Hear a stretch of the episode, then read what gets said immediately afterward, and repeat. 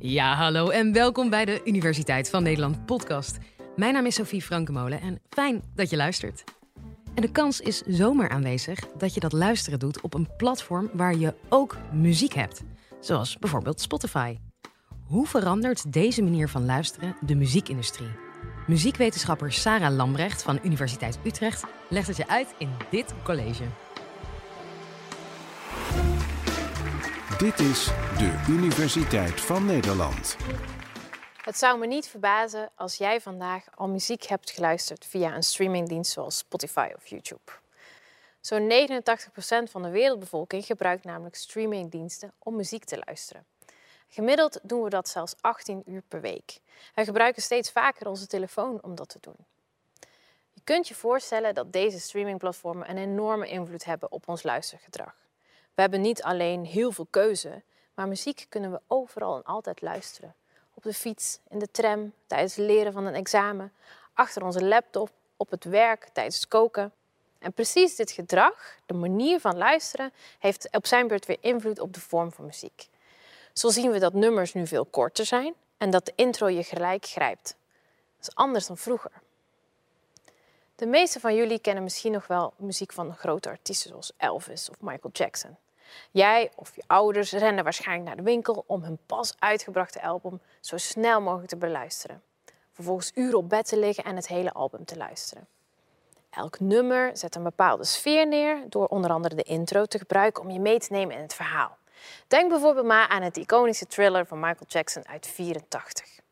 Het narratief begint onmiddellijk met de eerste klanken. Luister maar.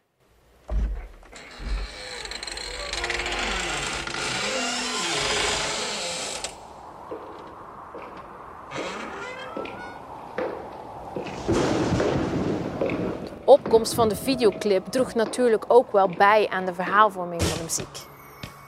We zijn 20 seconden ver al. Pas de eerste muzikale noot nu. En we horen zo meteen die o zo herkenbare synthesizers. Na 38 seconden. Spanning wordt opgebouwd.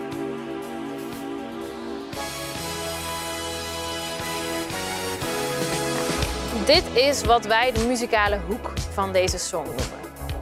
Exact op één minuut begint de King of Pop te zingen en het hele nummer duurt overigens bijna vijf minuten lang. Nu gaat het vaak anders. Je koopt helemaal geen heel album meer. Je streamt individuele nummers via het internet. Ik zelf ben muzikoloog en ik heb in de muziekindustrie gewerkt bij verschillende platenmaatschappijen.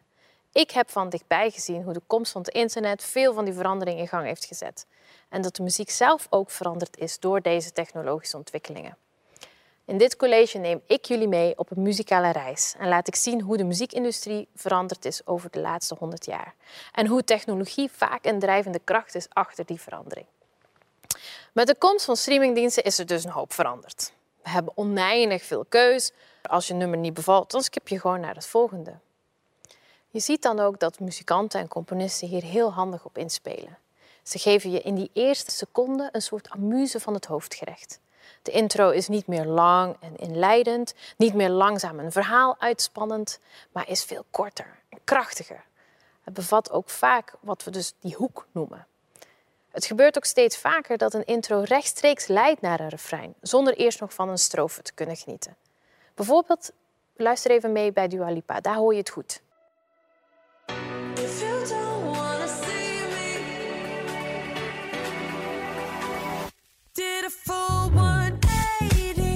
Dus die eerste 10 seconden krijg je een stukje refrein, heel kort introotje en huppakee de strofe en we zijn vertrokken. Dus het lekkerste stukje van het nummer wordt eigenlijk al gelijk een beetje weggegeven.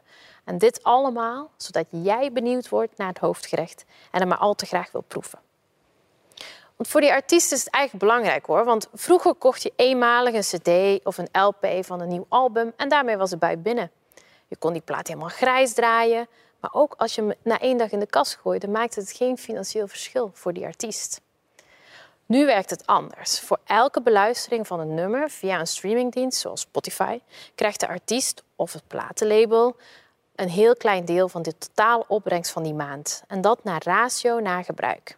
Maar daarbij geldt de magische grens van 30 seconden. Want vanaf een halve minuut wordt het pas als een volledige beluistering gezien en als playcount. En rolt het geld. Heavy metal band Wilpack die kaartte dit op een heel grappige manier aan. En bracht in 2018 het album Sleepify uit op Spotify. Op het album staan 10 tracks van 30 seconden pure stilte. Ze droegen hun fans op om het album tijdens de nacht op repeat te zetten en verdienden zo slapend meer dan 20.000 dollar vooraleer Spotify het album van hun streamingdienst verwijderde. We zien de invloed van streamingdiensten ook terug in de lengte van de popmuziek. Songs zijn vandaag korter. Ze duiken onder de drie minuten. Bedenk daarbij ook even het volgende. Als je één uur muziek hebt op Spotify met hits van vijf minuten, of je hebt één uur muziek op Spotify met hits van 2,5 minuut, verdien je met die laatste, compilatie, dus twee keer zoveel voor één uur muziek. En nu zien we eigenlijk vaker dat popsongs die met het refrein beginnen. En daarbij eigenlijk het traditionele liedvorm van een strofelied doorbreken. Een strofelied begint vaak met intro, strofe, refrein. En nu zien we vaak dat het na de intro meteen doorgaat naar het refrein. Deze eeuwenlange traditie van het strofelied is dus eigenlijk doorbroken onder invloed van deze streamingdiensten. En dat zij bepalen hoe een nummer dat jij graag luistert is opgebouwd, is eigenlijk helemaal niet zo nieuw. Technologische ontwikkelingen hebben namelijk altijd al veranderingen in onze muziekindustrie teweeggebracht. neem je even mee in de geschiedenis. Laten we beginnen in de 18e eeuw, bij een van de beroemdste componisten van de klassieke muziek, Johann Sebastian Bach. Met zijn concerten speelde hij als het ware een soundtrack voor speciale gelegenheden. De muziek die hij maakte was heel doelgericht en voor bijzondere gelegenheden. Een diner op zondag, een trouwerij, een feestelijke verjaardag. Hij componeerde voor zijn werkgever en altijd een opdracht, want het moest ook altijd live. Er was immers nog geen radio, geen opnameapparatuur. Maar Bach speelde niet op een piano zoals wij die nu kennen. Hij kende die rijkdom van die dynamiek op die instrumenten ook nog niet zoals wij die nu kennen. Pas veel later werd de forte-piano uitgevonden. Forte hard, piano zacht. Met dit instrument konden muzici hard en zacht spelen. We horen hier een fortepiano. Overigens eentje waar Mozart nog zelf op heeft gespeeld. Je hoort hier een groot verschil tussen hard en zacht, iets wat daarvoor niet mogelijk was. En dynamiek is de dag van vandaag een belangrijke pijler geworden in composities. De technologische vooruitgang van de instrumenten zette zich voort in de romantiek, de periode die daarna kwam. Samen met de denkgeest van de tijd en het feit dat instrumenten steeds meer konden, werd de muziek steeds meer een expressie van een idee, een emotie. Je zou eigenlijk bijna kunnen zeggen dat de technologische mogelijkheden van instrumenten zoals bijvoorbeeld bepaalde klankkleuren van blazersinstrumenten zoals de hobo d'amore, er mee voor hebben gezorgd dat nieuwe vormen zoals het symfonisch gedicht in de romantiek mogelijk werden. In 1878 werd er voor de muziek een hele belangrijke uitvinding gedaan. De fonograaf van Thomas Edison. Men kon ineens muziek opnemen. Ten tijde van Bach, en dat is slechts vier generaties daarvoor, konden mensen alleen muziek live luisteren. Maar nu kon men spreken van een geluidsdrager. En tien jaar later ontwikkelde Berliner de grammofoonplaat. En vanaf dat moment werd het mogelijk om ook thuis naar muziek te luisteren. Dat deze nieuwe techniek een overweldigend effect had op muziek, zag ook muziekprofessor Mark Katz. Hij schreef er zijn thesis over. De phonograph effect. Hiermee liet hij zien hoe groot het effect was van technologie op de functie van muziek en daarbij dus ook de vorm van muziek. De uitvinding van de fonograaf had namelijk invloed op alles. Op de componist, op de uitvoerder, op de luisteraar. In zijn biografie vertelt componist Igor Stravinsky dat hij zijn serenade in A majeur in 25, 1925 zo componeerde dat het op een 78 toerenplaat paste. De phonograph effect bij de luisteraar zat natuurlijk voornamelijk in het verschil dat men ineens een luisterervaring had in de huiskamer, alleen, die keer op keer hetzelfde was. Hiervoor was enkel live performance de manier om naar muziek te luisteren, samen in groep. En ook muzici moesten wennen aan het geluid. Opnames werden door platenmaatschappijen aangeprezen als natuurlijk, levensecht, een spiegel. De bedoeling was om met opnames namelijk zo dicht mogelijk bij de realiteit te komen. Maar het lag wel voor altijd vast. Dus je kunt je inbeelden dat muzici op een andere manier muziek maakten in de opnamestudio dan live op het podium. Die invloed zien we bij elke nieuwe technologische ontwikkeling steeds weer opnieuw terug in de muziek. In 1948 kwam de LP op de markt. En ook dat zag je meteen terug in de muziek. Bijvoorbeeld in de jazz, een van de belangrijkste genres op dat moment. Muzikanten konden toen ineens veel langere nummers opnemen.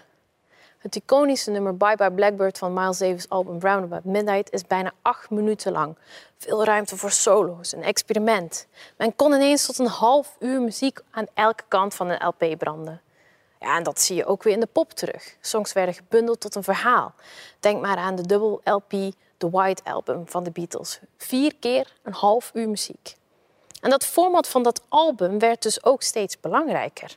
Iets wat zich ontwikkelt van de eerste tot de laatste track. Je ging daar echt voor zitten. In de jaren 80 krijg je natuurlijk de CD. En je hoefde halverwege niet meer het album om te draaien. Ah, ik denk dat iedereen hier wel een iconische plaat van voor de tijd van het internet zich voor de geest kan halen. Waarbij daadwerkelijk elk nummer goed is of bijdraagt aan dat verhaal. Ik zelf moet spontaan denken aan The Miseducation of Lauryn Hill. Maar jullie hebben allemaal vast zo'n album in je hoofd. En na al deze technologische ontwikkelingen op het gebied van opnametechnieken en platen was daar ineens die enorme doorbraak van het wereldwijde internet. Het onbetaalde en daarna betaalde downloaden van muziek was echt een schok voor de muziekindustrie. Het was ook namelijk technisch gigant Apple, en niet de platenmaatschappij, die met het eerste betalend downloadplatform kwam, iTunes. Niet dus een van de platenmaatschappijen die op dat moment heel veel macht hadden. En de revolutie zat hem eigenlijk ook wel dat je voor het eerst een enkel nummer kon downloaden bij Apple. Je kon daarvoor natuurlijk wel singeltjes kopen, maar je kon nu ook losse nummers kopen die nooit als single werden uitgebracht.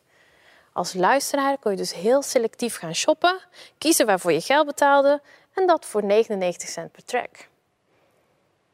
In 2007, 2008 start Spotify in enkele landen en wint eigenlijk al heel snel aan succes. We zien al enkele jaren dat de inkomsten van downloads terug afneemt en de streaminginkomsten blijven stijgen. Als je iets downloadt, dan word je eigenaar van de kopie van de muziek. Het mooie aan streaming is dat je helemaal geen eigenaar meer wordt van een kopie van de muziek, maar dat jouw muziek ten allen tijde online beschikbaar is, zonder fysieke kopie of zonder op opgebruikte opslagruimte. Sindsdien is alle muziek van de wereld 24/7, als je wifi doet, tot je beschikking. Dus de vraag wordt dan: wat uit die enorme pool van nummers wil ik nu luisteren? En naast alle marketing- en promostrategieën wordt het dus ineens heel belangrijk dat die muziek je in de eerste paar seconden meteen grijpt. Een korte, catchy intro die zorgt dat jij blijft luisteren voorbij die 30 seconden.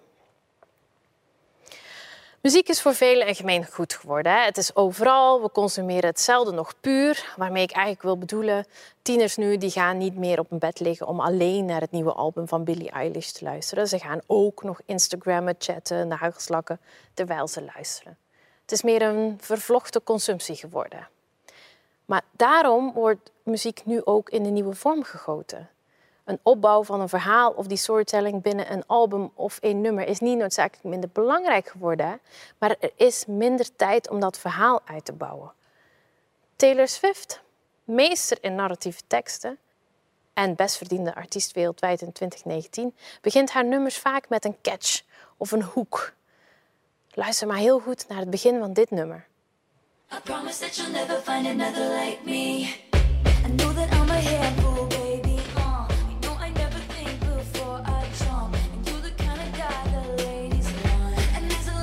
Ze wil je gelijk meenemen, voorbij die grens van 30 seconden. Dat beginstukje, hoppakee, gelijk een stukje refrein, die zijn doorslaggevend.